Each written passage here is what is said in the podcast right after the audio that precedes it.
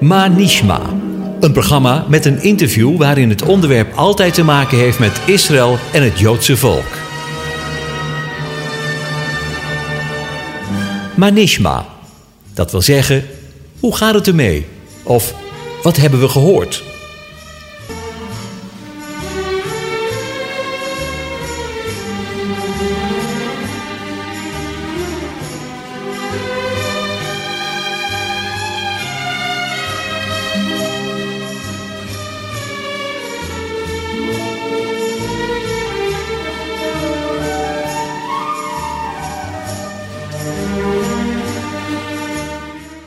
Hartelijk welkom, luisteraars. Mijn naam is Kees van der Vlist en ook voor deze keer neem ik het stokje even over van eh, Jack van der Tang. Ja, we vervolgen deze uitzending met, eh, met een gesprek, een boeiend gesprek wat ik ook heb met uh, dominees Kees Kant van Christen voor Israël. dat is een vervolg van, van de opname die we vorige week met elkaar gemaakt hebben, waar we het onder andere hadden over het heilsplan van, van Israël in het heilsplan de plaats en de positie van Israël in het heilsplan van, God. En we waren eigenlijk gebleven bij, uh, bij het feit waarin uh, de apostel Paulus zegt in de Romeinen: Ik zeg dan, zijn ze soms gestruikeld met de bedoeling dat ze zouden vallen. Volstrekt niet, zegt Paulus, want door hun val is de zaligheid uh, gekomen. En we bleven er eigenlijk bij hangen bij in het gesprek met: ja, zijn we niet schromelijk tekort gekomen in, als christenen om het voorzichtig te zeggen, in het jaloers maken van, uh, van het volk van Israël. Nou, daar heb je antwoord op gegeven, maar een vervolgvraag zou kunnen zijn, uh, wat ook nog wel eens aangevreven wordt uh, richting de Joden. Ja, maar zij hebben wel de dood van, van Jezus, van Je Joshua, op hun, op hun konto staan. Dat is wel hun schuld, want zij hebben hem uiteindelijk gekruisigd. En daarom worden ze zo gestraft. Hoe zou je daarop willen reageren, Kees? Um, dat is een interessante. Um, als wij praten over de vraag: zijn Joden schuldig aan de dood van Jezus? dan merk je dat um, in Israël-kringen. Uh, heel vaak uh, pogingen worden ondernomen om Jezus, of, de Joden te verdedigen. En dan mhm. wordt er bijvoorbeeld gezegd dat Johannes 10, hè, dat Jezus zegt van niemand legt mijn leven af, ik leg mijn leven uit mezelf af. Uh, in opdracht van de Vader. Dus eh, met andere woorden, Jezus maakt daar al. Het is net alsof Jezus profetisch, als het ware, al vooruitgezien heeft dat in de toekomst Joden beschuldigd worden van de dood van Jezus. En dan zegt Jezus eigenlijk al voor, voor zijn sterven: um, van uh, een ander legt mijn leven niet af. Nee, dat doe ik zelf. Ik leg mijn leven af. Maar wij hoeven, Jezus, uh, wij hoeven het Joodse volk niet te verdedigen. Want wij kijken naar de dood van Jezus vaak veel te juridisch. Net als in een mhm. detective. Er is iemand vermoord en wie heeft die vermoord? En nou, uiteindelijk, aan het eind van de detective, wordt dan duidelijk dat de Piet uh, de moordenaar is enzovoort. Die komt dan voor de rechter en dan moeten alles bewijzen geleverd worden. En dan wordt Piet veroordeeld, want Piet heeft uh, diegene vermoord. Maar wij hoeven naar de dood van Jezus niet op een alleen juridische manier te kijken. Mhm. Maar we moeten veel dieper um, kijken. Als Jezus na zijn opstanding met de Emmausgangers wandelt, dan zeggen die Emmausgangers van, heb je niet gehoord dan wat er allemaal gebeurd is in Jeruzalem rondom, rondom die Jezus enzovoort. We hadden onze hoop op hem gevestigd, maar ja, nu is onze hoop weg, want hij is dood. En dan zegt Jezus van, oh, trage en onverstandige van hart. En dan zegt Jezus, moest de Christus dit niet lijden? Daar maakt Jezus al duidelijk, dit was Gods weg die hij met zijn zoon wilde gaan. Dus dat is een ontzettend belangrijk punt. Um, ook wordt heel vaak gezegd, ja maar kijk nou eens naar Herodes of naar Pilatus. Want Pilatus die zag in dat Jezus onschuldig was. Mm Pilatus zei zelfs nog, ik zie geen schuld in deze mens. Nou, Pilatus was een vrede man die zijn handen niet voor omdraaide om een paar, paar honderd Joden te laten doden. Dus die, die had veel makkelijker en veel sneller al opdracht kunnen geven Jezus te kruisen en van het hele gedoe af te zijn. En dan blijft hij toch maar ondervragen. En dan zegt Pilatus, ik zie geen schuld in deze mens. En dan gaat hij zelfs nog zijn handen wassen in onschuld. Mm met andere woorden, Pilatus wist dat Jezus onschuldig was en hij laat hem toch geestelen en kruisigen. Nou, als er één schuldig is, dan is het Pilatus. Maar ik zie het iets dieper. ik zie het iets dieper. er waren een klein groepje Joden die verantwoordelijk waren voor de dood van Jezus. En zij dachten onder leiding van Caiaphas van het is beter dat één mens sterft voor het hele volk dan dat het hele volk verloren gaat. He, zij wil, dachten een volksopstand en, en een slachtpartij door de Romeinen te voorkomen. Laten we er dan maar één of offeren. En dan zegt, ehm, en dan zegt Johannes, de evangelist, hij zei dit niet uit zichzelf, maar hij profeteerde als hoge priester. Dus ehm, ik wil maar zeggen, wat daar met Jezus gebeurde, dat was zo bijzonder. Daar zit Gods hand achter. Zo moest het gebeuren. En daarin speelde natuurlijk een, een aantal Joden een rol, sommigen ook een kwalijke rol. Maar Pilatus vertegenwoordigt de heidense wereld. En die speelt zeker minstens een kwalijke rol. Maar ik vind, wij moeten eigenlijk die hele schuldvraag loslaten. Wij moeten daarachter. Um, Paulus zegt in Efeze 1 dat wij al voor de grondlegging der wereld in hem zijn uitverkoren. Met andere woorden, al voor de grondlegging der wereld was het Gods bedoeling dat zijn zoon in zijn wonderlijk ondergrondelijk heilsplan dat hij in zijn zoon eigenlijk zelf het lijden, zelf de straf, de schuld van de wereld, zowel het Joodse volk als van ons, op zich neemt. Met andere woorden, eh, de dood van Jezus gaat zoveel dieper dan een simplistische, mag ik maar even zo zeggen, discussie over wie is er schuldig aan de dood van Jezus. Christus moest lijden, zegt Jezus na zijn opstanding. Ik geloof dus, dit was de weg die God met Jezus wilde gaan. En daarin spelen Joden een rol en spelen heidenen een rol. En Paulus zegt later, wij allen hebben gezondigd, niemand uitgezonderd, wij allen hebben gezondigd en missen de heerlijkheid van God. Maar door Gods genade mogen wij, samen met het Joodse volk, mogen wij als heidenen door het geloof in Jezus een kind van God worden. Ja. Dus het, dit was Gods weg. En het is te simplistisch. Maar dat, de kerk, dat hebben christenen door de eeuwen heen gedaan. Mm Joden gezegd, ja, maar ze hebben Jezus vermoord, ze moeten zich toch eerst maar bekeren. We hadden een conferentie in Azië vorig jaar. En er waren heel veel voorgangers uit Pakistan. En die zeiden ook steeds tegen ons, ja, maar jullie hebben het over Jezus. Maar ze hebben toch Jezus, ze hebben, jullie het allemaal over Israël, maar ze hebben toch Jezus vermoord. Ze moeten zich toch eerst bekeren. Daar zaten ze helemaal vol van. Ja. En, ehm, maar wij moeten van die juridische schuldvraag af. Wij moeten zeggen, we hebben allemaal gezondigd. Hij is gestorven, niet alleen maar voor mijn zonden, maar ook door mijn zonden. Ik was degene die hem aan het kruis heb gejaagd. Um, wij allemaal hebben gezondigd. Wij delen in die schuld. En laten we dankbaar zijn dat het Gods heilsplan was dat Hij dit voor ons en voor het Joodse volk zou doen. Dus die hele schuldvraag of dat vingertje wijzen naar Joden. We moeten niet die schuld, Joden gaan verdedigen. Of met teksten komen van, zie je wel, uh, uh, de Romeinen waren minstens zo schuldig. Nee, ik zou zeggen, vergeet die schuldvraag. Wij allen zijn zondig en hij moest die weg gaan ja. voor ons. Ja. ja, dan wordt het heel persoonlijk hè. Het waren mijn zonden die scheiding maakten uiteindelijk. Ja. ja.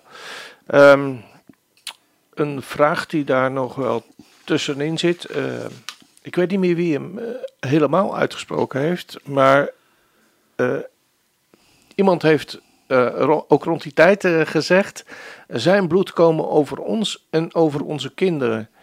En mij is vroeger altijd geleerd van ja, zie je wel. Gods straf die komt over onze en onze kinderen. Maar er ligt eigenlijk een veel diepere betekenis in uh, dat zijn bloed inderdaad over Israël uitge, uitgestort zal worden. hè? Als ja. het verzoenen bloed, bedoel ja, ik. Dat klopt, dat klopt. Dat kan ook het gevoel, dat kan het gevoel geven dat we weer een poging doen om Joden te verdedigen. Of, mhm. of van schuld vrij te spreken. Dat is mhm. helemaal niet nodig, denk ik. Zij speelden hun aandeel en wij speelden ons aandeel. Ehm, als zij roepen zijn bloed komen over onze en onze kinderen, kun je dat zien als ze dragen de verantwoordelijkheid. Ze nemen de verantwoordelijkheid op zich, of denken dat te doen, terwijl ze het helemaal niet beseffen wat het betekent. Mm Roepen misschien ook maar wat, hè. Ehm, maar goed, je zou kunnen zeggen, ze nemen daarmee de, dragen de verantwoordelijkheid. Het Joodse volk draagt de verantwoordelijkheid. Maar wij hebben dat altijd als problematisch gezien, of als een reden om ze te veroordelen. Maar wij zitten niet op de oordelende stoel van God. Zij zijn mede verantwoordelijk, maar wij zijn minstens zo mede verantwoordelijk. Maar wat veel belangrijker is, dat uiteindelijk het bloed dat gesprenkeld wordt over het volk, wordt ook over ons gesprenkeld. ehm, tot de verzoening van de zonden. En dus je kan ook, eh, kan ook zeggen, oké, zij dragen de verantwoordelijkheid, maar dat, dat doen wij dan met Pilatus evenzeer. Dus we kunnen de Joden de hand geven. Als, Ja. we, ze, als we ze beschuldigen van, van de dood aan Jezus, dan kunnen we ze de hand geven, want dan zijn we mede schuldig. Want we hebben allemaal gezondigd. Maar wat veel belangrijker is, uiteindelijk blijft het niet bij een oordeel, maar uiteindelijk overwint de genade. Want wordt het bloed der verzoening besprenkeld over het volk. En ook wij zijn besprenkeld door het bloed van Christus. Ja. Ehm, en dus met andere woorden, dit was de weg die God wilde gaan met zijn, met zijn zoon. Ja. En zo is het ook gebeurd. Ja, En wij mogen delen in de verzoening en dan mogen we delen met het Joodse volk. wat een zegen. Ja, ja. Ehm, iets anders. In Nederland zijn eh, spreekwoordelijk net zoveel visies op Israël als er bij Nederlanders zijn. Hè? Eh, nou, als we drie Nederlanders hebben, hebben we ook eh, ongeveer drie kerken of twee kerken. Zo zijn er ook christenen die de oprichting van de staat Israël en het feit dat er in de dagen waarin wij beleven nogal wat Joden terugkeren naar het huis, naar huis, eh Elia maken. Ehm, en die zien het als een menselijk handelen en niet als het werk van, eh, van de God van Israël. Ze gebruiken daarvoor het argument dat het volk nog steeds in ongehoorzaamheid leeft. Omdat zij de Messias nog niet herkennen en erkennen. Daarvoor halen zij dan onder andere een tekst uit Jeremia 30, vers 3 aan, waar staat: Want zie, er komen dagen, spreekt de Heer, dat ik een omkeer zal brengen in de gevangenschap van mijn volk, Israël en Juda, zegt de Heer. En ik hen zal terugbrengen naar het land dat ik hun vaderen gegeven heb. En zij zullen het in bezit nemen. Ja, deze groep christenen die eh, redeneren dat er, zoals de tekst zegt, nog geen sprake is van de omkeer van Israël. Daar spreekt deze tekst over. En zij bestempelen de huidige terugkeer als het werk van het Sionisme. Ja, misschien dat je daar iets over zou willen zeggen en verduidelijken hoe, hoe jij er tegenaan kijkt. Daar ben je erg benieuwd naar. Ja, nou, wij zijn natuurlijk altijd knap geweest als christenen om eh, wat er ook in en rond Israël gebeurt en wat er met Joden gebeurt, dan weten we altijd wel weer de teksten te bedenken om ze te veroordelen. Daar zijn we buitengewoon knap in. Dat doen we niet met de Chinezen en Argentijnen en Engelsen en Belgen en Hollanders. Dat doen we altijd met Israël. Ehm, in die tekst die je noemt, eh, eh, Kees, in Jeremia 30, daar staat eigenlijk eh, geschreven. Eh, want zie de dagen komen, luidt het woord van de Heer, dat ik in het lot, hè, gevangenschap of het lot van mijn volk Israël en Juda, een keer breng en hen terugbreng. Met andere woorden, wat is dat lot? Wat is die gevangenschap? Dat is de, dat is de, dat is de, de diaspora. Het niet wonen in het land van hun vaderen. En er komt een tijd, na een lange diaspora, dat hij een keer zal brengen in het lot van Israël. En dat hij ze uit de diaspora, de gevangenschap in, in of de verstrooiing in de wereld, dat hij ze weer terugbrengt naar het land. Dus, ehm, dus in deze tekst spreekt niet over de noodzaak van eerst bekering. eh, voordat zij terugkeren. Opvallend is, er zijn zo de Amerikaanse theoloog eh, McDermott heeft uitgerekend dat er 270 teksten zijn in het Oude Testament die profiteren over een terugkeer van het Joodse volk naar het land. Mhm. Dat is indrukwekkend. Er zijn teksten waarin de Heere God zijn volk oproept zich te bekeren. Eh, en dan bedoelt de Heere God altijd terugkeren naar de dienst aan de Heere en aan zijn geboden. En dan zal hij een einde maken aan de ballingschap. Maar er zijn ook teksten die eh, spreken over eerst een terugkeer en daarna het, het ontvangen van een rein hart. Eh, Dus eh, met andere woorden, er geldt aan de ene kant de oproep aan het Joodse volk zich altijd weer te keren tot de Heer en zijn heilige woord. Maar aan de andere kant zijn er ook teksten die spreken over eh, dat God zelf het is die zijn volk terugbrengt. Een van die mooie teksten, bijvoorbeeld niet alleen Jeremia 30 die daar las, maar ook Ezekiel 36 is ook een prachtige tekst waar staat... ehm, Daarom zegt tot het huis van Israël, zo zegt de Heere, Heere, niet om uwentwil doe ik het, o huis Israëls, maar om mijn heilige naam, die gij ontheiligd hebt onder de volken. Met andere woorden, God gaat zijn volk terugbrengen, niet omdat ze zo heilig zijn en omdat ze zich zo geweldig bekeerd hebben, maar omdat hij, zijn, omdat hij om zichzelf, om zijn heilige naam, zijn volk terugbrengt. En dan zegt hij, Ik zal u weghalen uit de volken, u bijeen vergaderen uit alle landen, en ik zal, u, ik zal u brengen naar uw eigen land. En dan staat er: Ik zal rein water over u sprengen, en gij zult rein worden van al uw onreinheden, enzovoort. En een nieuw hart zal ik u geven, en een nieuwe geest in uw binnenste. Er zijn dus ook teksten die zeggen: God brengt zijn volk eerst terug, en vervolgens zal hij hun een nieuw hart geven, een rein hart van binnen. Ehm, maar in allebei de categorieën Bijbelteksten, ehm, daarin is één ding helder en dat is, God is degene die ze terugbrengt. Hij is het. En ehm, de beweging van het Sionisme was misschien voor een deel een seculiere beweging, was wel een beweging die ingegeven was door een, soort van wanhoop van waar moeten Joden nog veilig leven in het antisemitische Europa, in het antisemitische Rusland. Ehm, er is maar één plek en dat is het land van onze vaderen. Die beweging heeft ertoe geresulteerd, 120 jaar geleden, dat nu bijna de helft van het Joodse volk in het land is en dat Israël op een wonderlijke manier is hersteld.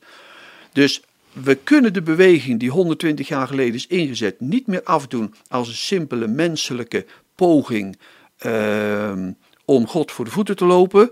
Nee, God brengt zijn volk terug. En als ik terugkijk in die afgelopen 120 jaar, dan kan ik alleen maar zeggen: het was de Heere God zelf die deze beweging op gang gezet heeft. En Jezaja schrijft zelfs over dat het de knecht des Heren is die tot taak heeft zijn volk terug te brengen. Dus ik denk persoonlijk dat het Jezus, de Messias, de zoon van David, die nu aan de rechterhand van de Vader zit, hij is het die de afgelopen 120 jaar bezig is zijn volk in een geleidelijk proces terug te brengen naar het land. En want dat is een van zijn taken. Maar- en ja, Ja, daar heb ik dan nog een, een, vraag over. Want bijvoorbeeld in eh, Jeremia 46, vers 27 staat: U dan, wees niet bevreesd, mijn diener Jacob. Wees niet ontsteld, Israël. Want zie, ik ga u verlossen uit verre landen, uw nageslacht uit het land van hun gevangenschap. Jacob zal terugkeren en waar het me om gaat, rust hebben en zonder zorgen zijn, en niemand zal hem schrik aanjagen. Maar goed, sinds de oprichting van de staat Israël is het allerminst veilig gebleken in het land. Hè? En ook vandaag de dag nog eh, worden er raketten opgevuurd. En nou ja, de staat was nog geen paar dagen oud of er ontstond al oorlog. De Yom Kippur oorlog in 73. Eh, eigenlijk is het in een constante staat van alarm. Hoe verklaar je dan de terugkeer eh, met deze profetie? Want daarin staat heel duidelijk: Jacob zal terugkeren, rust hebben en zonder zorgen zijn. En dat is allerminst aan de gang. Ja. Misschien een beetje een lastige vraag, Nee, maar goeie- ik bedoel hem ja, eerlijk hoor. Ja, is een hele goede vraag. En oneerlijke vragen zijn er niet, Kees. maar goed. En de Bijbel is ook niet altijd even eh, eenvoudig, gelukkig maar. Want het is niet een simpel, eh een simpel handleidingje bij hoe ik een fototoestel moet bedienen. Maar, hoewel dat ook ingewikkeld kan zijn. Tegenwoordig zeker, ja. Geen goed voorbeeld. Ik moet misschien een ander handleidingje doen. Maar, ehm, kijk, overal in al die teksten staat Mhm. dat God het is die zijn volk terugbrengt. Hij doet het. En nou kun je van een klein bewegingje van een groepje Joden naar het land kunnen zeggen, nou dat is hun eigen poging. Maar als ik zie de massieve alia die plaats Mhm. heeft gevonden sinds 120 jaar, die is in de geschiedenis nog nooit zo gebeurd. Zelfs de Babylonische ballingschap die eindigde, ehm, was nog niet zo omvangrijk als deze. Dit is een geweldig proces, dus dat kunnen we niet zomaar een beetje een menselijk incidentje noemen. Ehm, ik zie dit als een wonderlijk proces van de vele beloften dat God zijn volk terugbrengt. En dan zeg jij van ja, dan is er die Jeremia 46, waar de terugkeer naar het volk, de terugkeer naar het land wordt verbonden met ehm, het zonder zorgen lezen, eh, leven van het volk. Ja, dat klopt. Alleen we moeten ons realiseren dat heel veel profetieën bij elkaar staan in één of twee of drie zinnen, maar soms een langere periode beslaan. Uiteindelijk zal de terugkeer van het volk Israël ertoe leiden dat straks in de toekomst, als het rijk van de vrede aanbreekt onder leiding van de koning, de grote koning, dan zal het volk veilig wonen, volledig veilig wonen en in vrede leven. Alleen, Heb je, heb, je, heb je voorbeelden van dat Ja, soort teksten? nou, die, ik- want Ik heb een mooi voorbeeld Ja. om duidelijk te maken hoe, hoe ook het Nieuw Testament hoort, maar ook in het Oude Testament, in de Tenach, hoe soms in een profetie verschillende tijden bij zijn verbonden. Een voorbeeld, Jesaja 11 vind ik altijd een sprekend voorbeeld. Er staat, er zal een reisje voortkomen uit de tronk van Isaïe, een scheut uit zijn wortelen zal vrucht dragen en op hem zal de geest des Heeren rusten. Nou, wij geloven allemaal, dit is de komst van de Messias.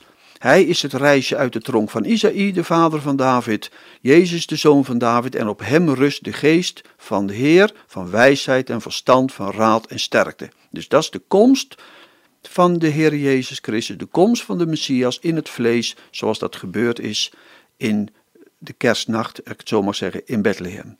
Maar dan gaat Jezaja verder en zegt hij, dan zal de wolf bij het schaap verkeren, de panter zich neerleggen bij het bokje, de kalf, de jonge leeuw en het mesvee zullen tezamen zijn en de kleine jongen zal ze hoeden, enzovoort, enzovoort. En een kind zal spelen bij het holk van een adder.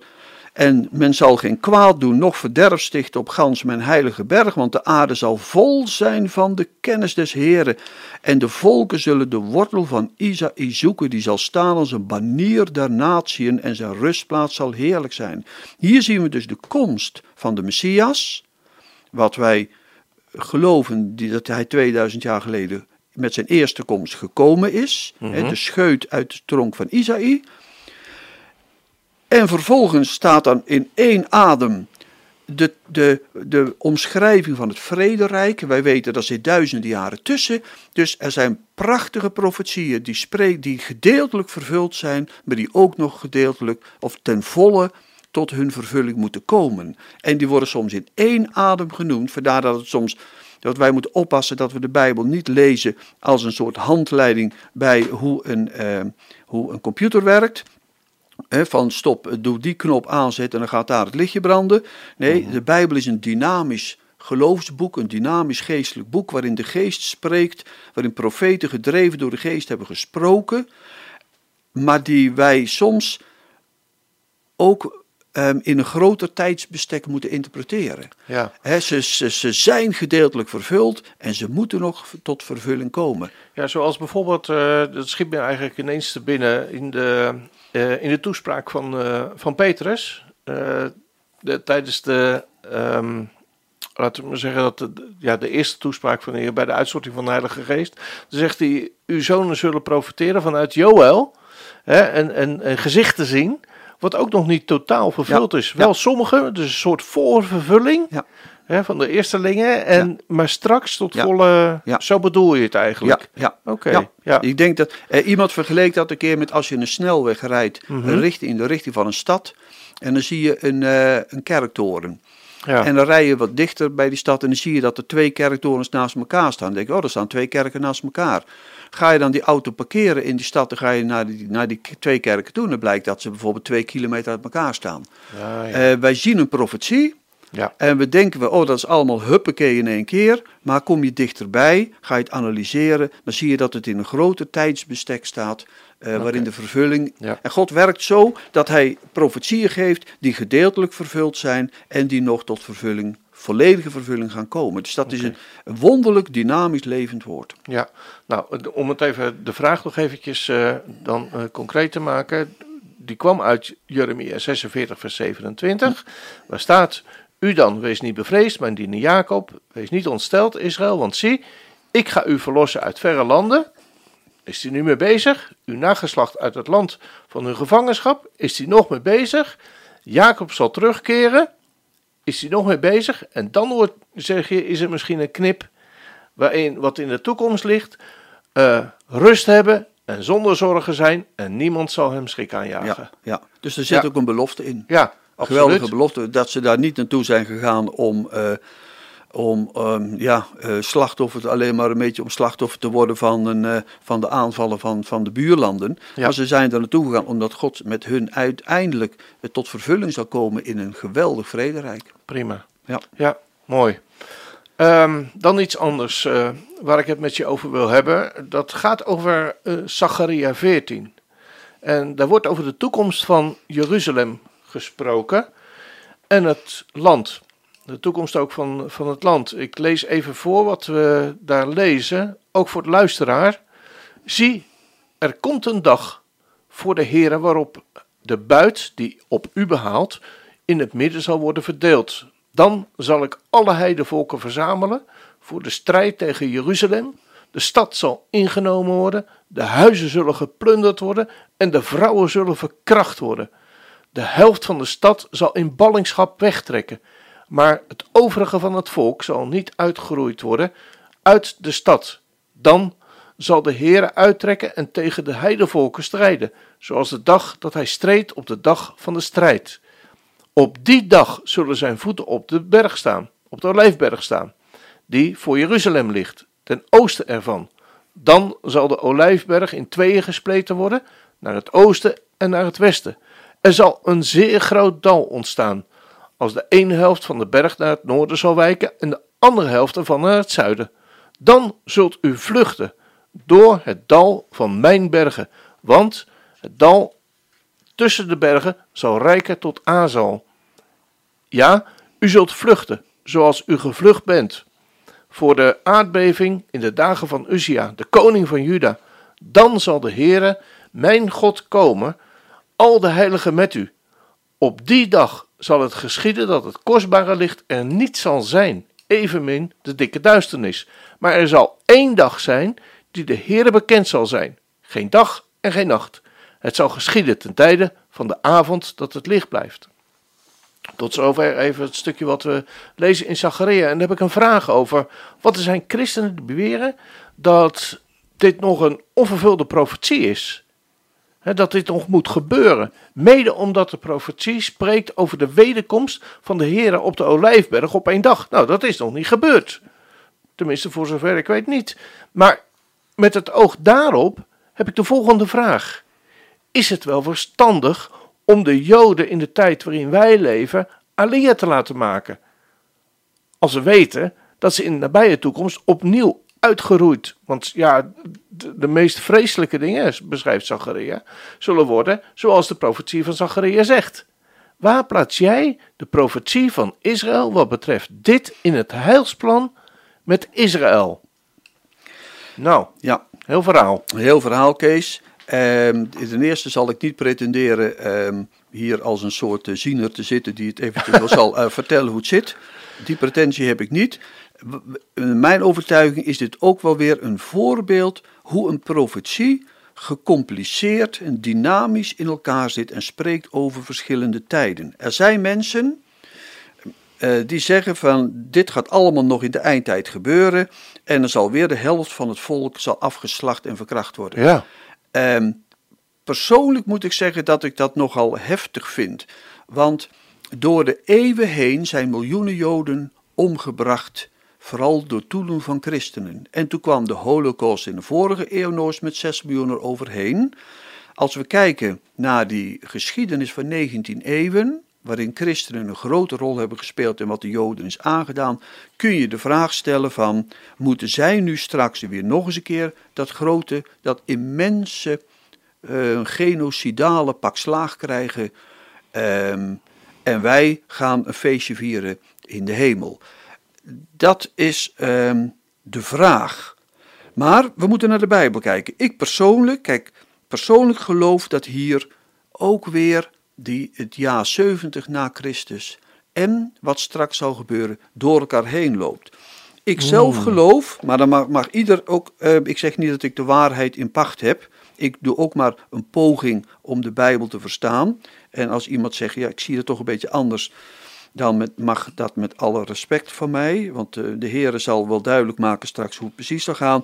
Maar wat in 70 na Christus gebeurde, is het inderdaad gebeurd. De heidenvolken zijn voor de strijd die tegen Jeruzalem gekomen. De stad is ingenomen door Titus. Huizen zijn geplund, vrouwen zijn in die tijd massaal verkracht. Het groot deel van het Joodse volk is in ballingschap weggetrokken. Een ander deel eh, is als slaaf verkocht en een deel is gevlucht naar het zuiden, naar Galilea in het noorden, naar uh, wat nu Jordanië heet. Um, zijn dus in de streek gebleven. Dat, daar zie ik persoonlijk het eerste deel. Dan, dan komt, hij, dan komt de Messias die zijn voeten op de olijfberg zet, enzovoort. En dan zullen ook op dat moment zullen opnieuw mensen vluchten. dat klopt, want we lezen ook in de Bijbel dat aan het einde der tijden de volkeren zich zullen keren tegen Jeruzalem. Dan zal de schaal, de mensen zullen worden bedwelmd als een schaal der bedwelming over Jeruzalem. Ehm, de wereld keert zich ehm, waarschijnlijk onder de leiding van de Verenigde Naties tegen Israël. Ehm, maar, en dan, dan als dan de Heer terugkomt, dat lezen we ook in Openbaring 19, als Jezus terugkomt met een tweesnijdend zwaard, zal hij afrekenen met de vijanden van zijn volk. Dus als Jezus terugkomt, dan wordt het niet meteen pijs en vree. Hij zal eerst afrekenen met de vijanden van Israël. Er zal dus een eindslag plaatsvinden daar. Nou, als er een strijd wordt geleverd, dan levert dat vluchtelingen op. Dus er, zullen, er zal straks best gebeuren dat Joden zullen vluchten om uh, die, die strijd, dat oordeel te, te ontvluchten. Uh, dan zullen ze vluchten naar mijn bergen. Maar dan uiteindelijk zal God komen en zijn heilige met hem. En dan zal het rijk van de vrede aanbreken en dan zal er een kostbaar licht zijn. En dan zal um, er geen dag en nacht meer zijn. Enfin, dan breekt het rijk van de vrede aan. Dus ik zelf zie dat eerste deel persoonlijk over die, die, die helft die, die afgeslacht wordt en verkracht wordt, dat zie ik als wat gebeurd is in 70 en in 135 na Christus, door toedoen van de Romeinen. En ik zie die olijfberg, net als in Jezaja 11, dat zie ik als wat straks gaat gebeuren, als in een korte moment de Heere eh, dat Jezus Christus, de Messias, de koning, de, de strijder voor Israël, de vijanden van zijn volk zal vernietigen en zijn rijk van vrede zal aanbreken. Ik zie dus ook hier weer een dynamisch ehm, verband tussen wat in 70 na Christus gebeurde en wat nu gebeurt. Dus ik zie geen enkele reden, als de Bijbel zegt, breng mijn zonen van verre, draag mijn dochters op de heupen, volkeren, verkondigt aan de kustlanden dat ik de Heer ben die Israël terugbrengt naar het land. Wij worden als heide, als volkeren ingeschakeld om ons in te zetten voor het proces van Alia. En dat mogen we met een gerust hart doen, want ook al is het nog geen pijs en en ook al komt er straks nog een spannende um, gebeuren in de eindtijd, God zal zijn volk beschermen. Hij zal zijn volk niet doen vernietigen. Hij maakt het goed, want Israël heeft een groot, grote plek in Gods toekomstplan. Dus wij hoeven niet bang te zijn voor wat er gaat gebeuren, ook al is het nog moeilijk in het Midden-Oosten. Wij mogen van harte Joden steunen om terug te keren naar Israël. En we hoeven niet bang te zijn voor de toekomst. Daar heb ik dan nog één vraagje over hoor. Als je me niet kwalijk neemt, uh, en dan, uh, dan stop ik ermee. Maar nou ja, ik zit hier ook op een plek om kritische vragen ja, te stellen. Hè? Ook al, uh, ja. oh, nou ja. ja. Um, daar heb ik nog één vraag over. Want in Openbaringen 14, vers 20. Uh, daar wordt er gesproken over de wijnpersbak die buiten de stad getreden werd. En er is bloed uit de wijnpersbak gekomen tot aan de tomen der paarden. 1600 stadien ver. Dat is een heel end. En uh, ja, daar, daar wordt ook over, uh, ja, over volgens mij over ja, oordeel over Israël gesproken. Moeten we deze. Ja, ik heb je niet op deze vraag uh, voorbereid. Dus het is goed ook dat je eventjes in je, bader, uh, in je, in je Bijbel bladert. Hè, om daar uh, binnen de context iets over te zeggen. Want de vraag kwam ineens ook bij mij op. Maar misschien zou je daar nog iets over zeggen. Want ja, die tekst wordt ook vaak in, verband gebracht met datgene wat nog Israël te wachten staat. Dat de, het bloed zal staan tot aan de tomen der paarden. Ja, en ik denk dat het dan gaat over het beest. Mm -hmm. um, um, en degene die het beest um, en zijn beeld aanbidden. want er, he, er, staat dan ook de, de, rook van de pijniging enzovoort. Ik, ik zie dat dat, dat uh, vergelijkbaar is met wat in Openbaring 19 staat.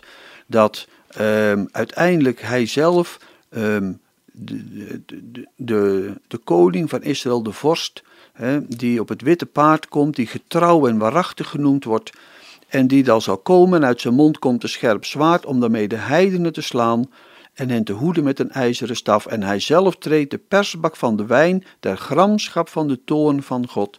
Het gaat hier, naar mijn overtuiging, om het eindoordeel over de volkeren, de natieën, mm die zich keren tegen Israël, die zich aan het einde der tijden betonen als een vijand van Israël.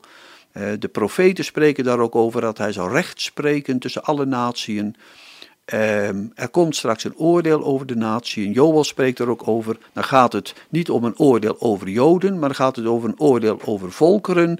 Met de vraag ehm, wat we hebben gedaan met eh, het Joodse volk. Dat we hun land verdeeld hebben. En dat we een Joodse jongen en meisje hebben verkocht voor een fles wijn. Dat ze geen, geen waarde hadden. Um, dus ik zie deze teksten als, en ook die profetie die je net las, eh, als een teken van, als een uitdrukking van een eindoordeel dat straks gaat komen als Jezus terugkomt om zijn volk te beschermen tegen de volkeren die optrekken tegen Jeruzalem. En dat er straks uh, een slag plaats zal vinden um, waarin volkeren, landen of mensen die zich keren tegen Israël uiteindelijk Ehm, onder het oordeel vallen. Jezus sprak er ook over in Matthäus 25. Hè. Hij gaat de natie verzamelen aan zijn linker en rechterzijde. En waar waart gij toen dit en dat en dat gebeurde? En dan zegt Jezus, voor zover je dit aan deze mijn minste broeders hebt gedaan, hebt je het aan mij gedaan. Mhm. Ehm, ik zie deze tekst uit openbaring en Zacharia als een, uh, niet als een straf voor Joden, mhm. maar als een oordeel over volkeren die zich keren tegen Jeruzalem en Israël en het Joodse volk. Okay. Dus een waarschuwing aan de politieke leiders van vandaag. Wees wel op je hoede. Waar ben je mee bezig als je meedoet met de zoveelste resolutie tegen Israël? Als je meedoet met de zoveelste boycott tegen Israël. En misschien zelfs straks, want nu zijn het nog woorden, straks misschien ook nog wel militair optrekt tegen Israël. Want je delft het onderspit. Nou, laten we het daar eventjes eh, bij houden. Van voor de muziek uh, maken we weer even een knippen, gaan luisteren naar de muziek. Om straks nog eventjes een, uh, ja, een allerlaatste vraag die me nog, uh, nog echt op, op de lippen brandt, om die te stellen. We gaan luisteren naar het lied, wat, waarin de woorden uitgesproken worden en het gebed ook uitgesproken wordt. Creëer in mij een clean, een schoon hart. Heer, maak mij rein. We gaan luisteren.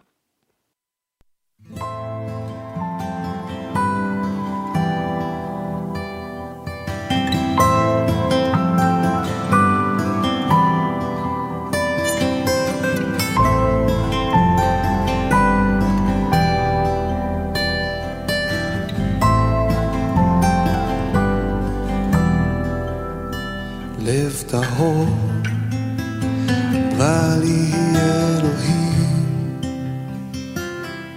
לב טהור, לב טהור,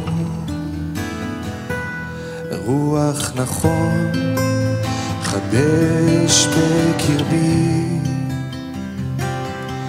רוח נכון, רוח נכון. אל תשליכני מלפניך.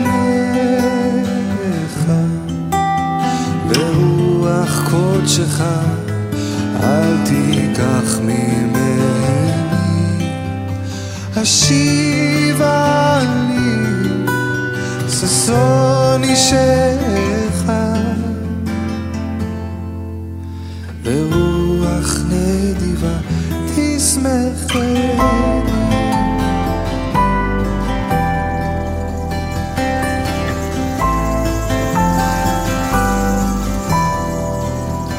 לב טהור בא לי אלוהים. לב טהור לב טהור. ורוח נכון חדש בקרבי רוח נכון, רוח נכון, אל תשליכני מלפניך, ורוח קודשך אל תיקח ממני. השיבה לי ששון אישך. ורוח נדיבה תשמחני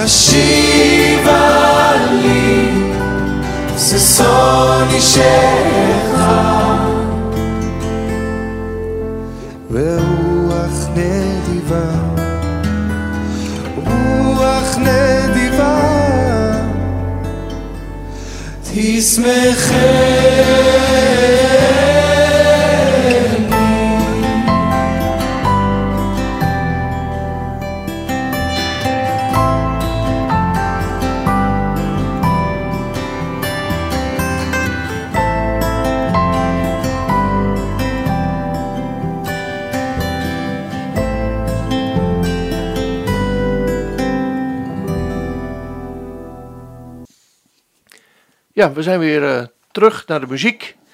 En ehm, ja, ik eh, beloofde net om een laatste vraag eh, te stellen. Maar dat is wel een, een diepe vraag, denk ik ook. In ieder geval omdat ik hem nogal vaak tegenkom, ook bij familie, bij vrienden. De laatste vraag die is naar aanleiding van Romeinen 11. En daar lezen we het volgende. Want ik wil niet, broeders, dat u geen weet hebt van dit geheimenis, opdat u niet wijs bent in uw eigen ogen, maar dat er voor een deel verharding over Israël gekomen is, totdat de volheid der heidenen ingegaan is. En zo, en daar gaat het mee over, zal heel Israël zalig worden. Zoals geschreven staat, de verlosser zal uit Sion komen en zal de goddeloosheden van afwenden van, van Jacob. En dit is het verbond met mij, met hen, wanneer ik hun zonde zal wegnemen. En ze zijn weliswaar, wat het evangelie betreft, vijanden vanwege u, maar wat de verkiezing betreft, geliefden vanwege de vaderen. Want de genadegave en de roeping van God zijn onberouwelijk, staat er. Zoals ook u immers voorheen God ongehoorzaam was, maar nu ontferming verkregen hebt door hun ongehoorzaamheid. Zo zijn zij nu ongehoorzaam geworden, opdat ook zij door de ontfermingen die u bewezen is, ontferming zouden verkrijgen. Want God heeft hen alle in hun ongehoorzaamheid opgesloten. Dus daar staat allen om zich over alle te ontfermen. Ja, en met name dat heel Israël zal zalig worden en dat God zich over alle zal ontfermen, daar zien sommige christenen in, in die teksten, aanleiding in een soort alverzoeningstheologie met betrekking tot heel Israël. Nou ja, is dat niet een beetje ja, liefde voor Israël over de top? Hoe kijk je daar tegenaan? Nou, het slimme is altijd, als je het met een mening of met een opvatting niet eens bent, dan moet je er altijd eerst een karikatuur van maken. Dat gebeurt in de politieke discussies ook altijd. Ehm, als je namelijk een karikatuur van eh, je tegenstander maakt, dan eh, is het ook heel makkelijk om jezelf te verdedigen en om alle luisteraars achter je te krijgen. Het woord alverzoening is natuurlijk toch wel een beetje een, laten we zeggen, een vies woord. Hè? Ehm, alverzoening. Dat betekent zo van nou, eh, iedereen, de hele wereld, iedereen is een kind van God. En wat je ook gelooft of niet gelooft, we komen er uiteindelijk allemaal. Hè? Dat heet dan alverzoening. Nou, ehm, als je nou het woord alverzoening op Joden toepast, nou, dan zal iedereen zeggen, ja nee, nee, dat kan toch niet. Hè? Eh, want niemand komt tot de Vader dan door mij, zei Jezus. Ja, Ehm, dus ehm, een karikatuur maken, dat kun je dus doen door deze tekst van Paulus daar het woord alverzoening aan te plakken. Wat gebeurt hier?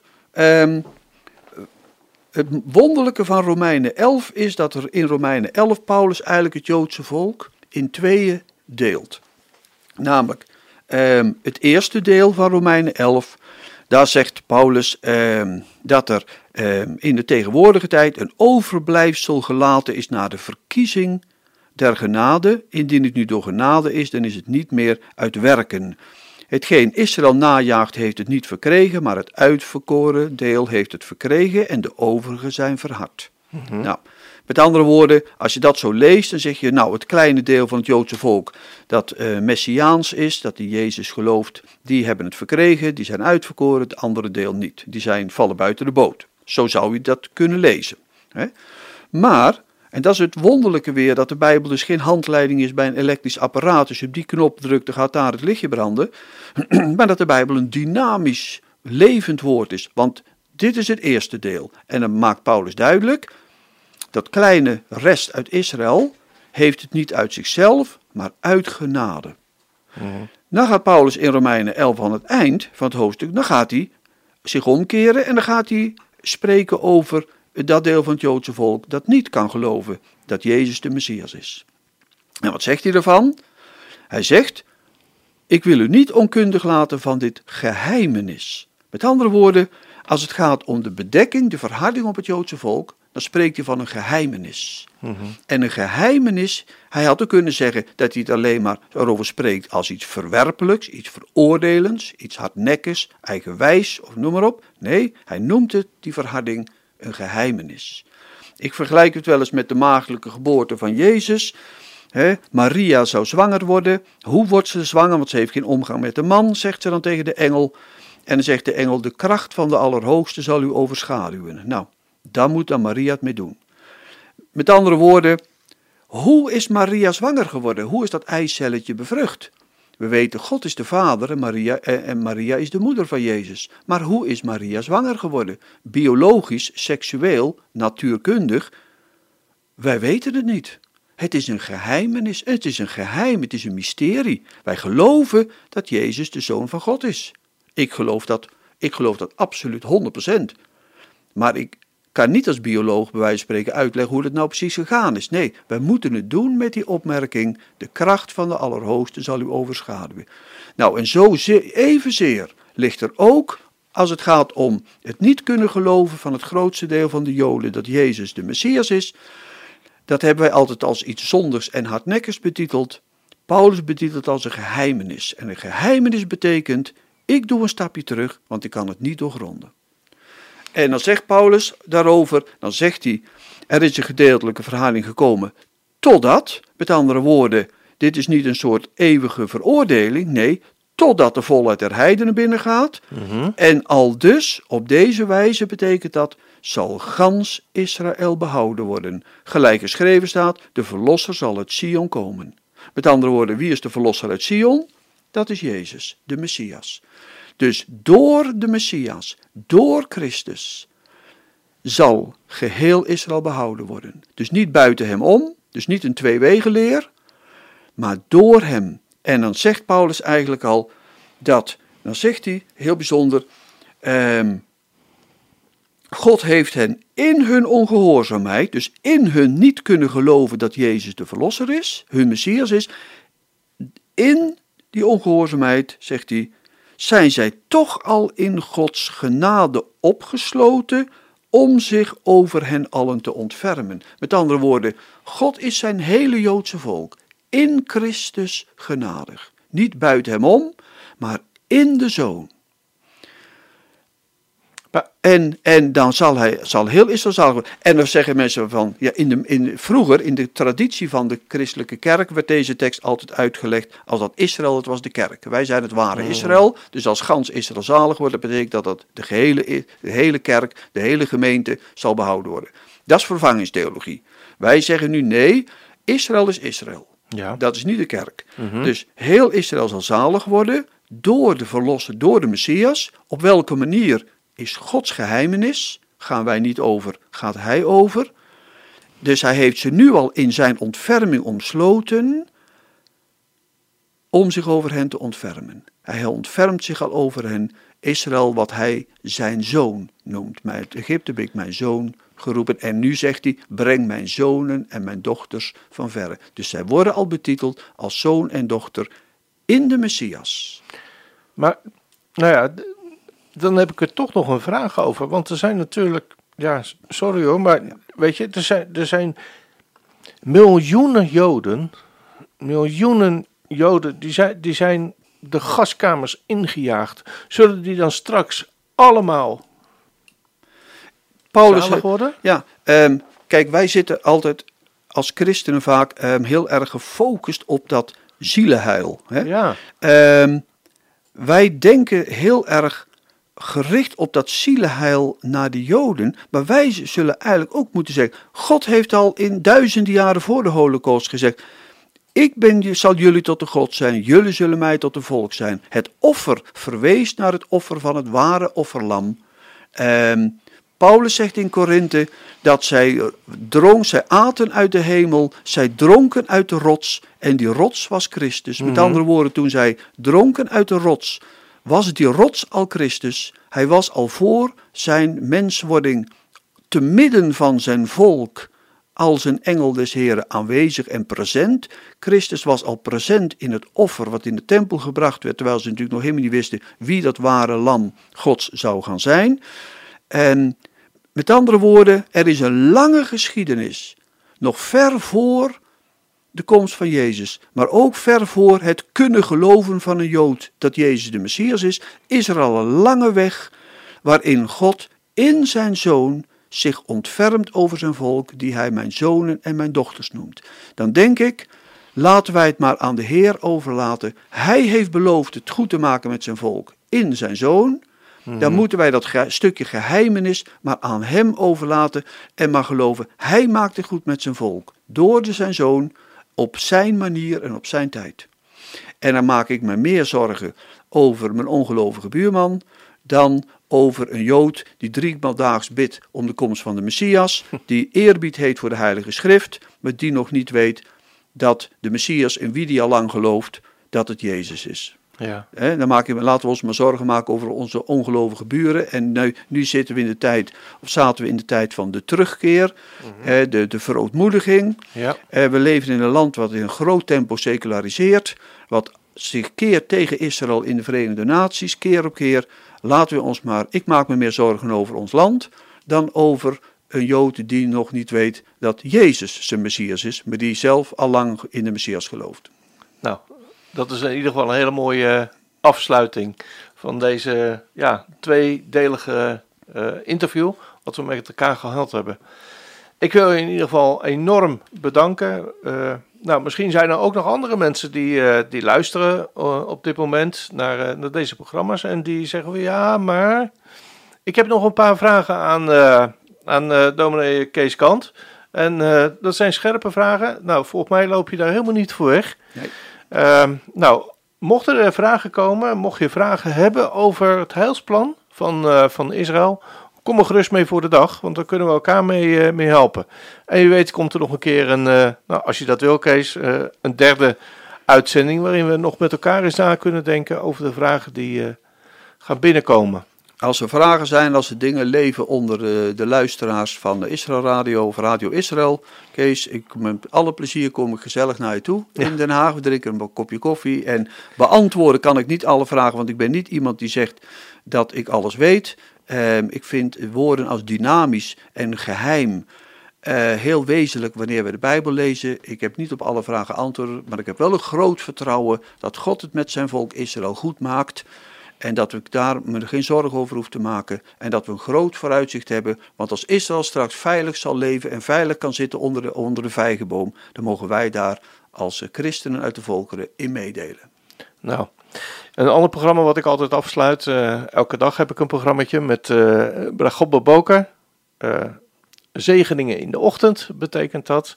Nou, als dat geen zegen is die je net uitsprak, dat zou geweldig zijn als we samen met, uh, met onze oudste broer onder de vijgenboom uh, mogen zitten. Ik wil je in ieder geval enorm bedanken voor, uh, ja, voor vanmorgen ook weer, voor de tweede keer dit gesprek. En nou, als ik voor mezelf spreek, ik vond het heel leerzaam en heel fijn zoals het gesprek ook verlopen is. Heel hartelijk dank. Dankjewel Kees, heel graag gedaan, met veel plezier. Ja, dan uh, sluiten we deze uitzending af met uh, Sarah Lieberman. Fire of your spirit. Vuur van uw geest. We gaan luisteren.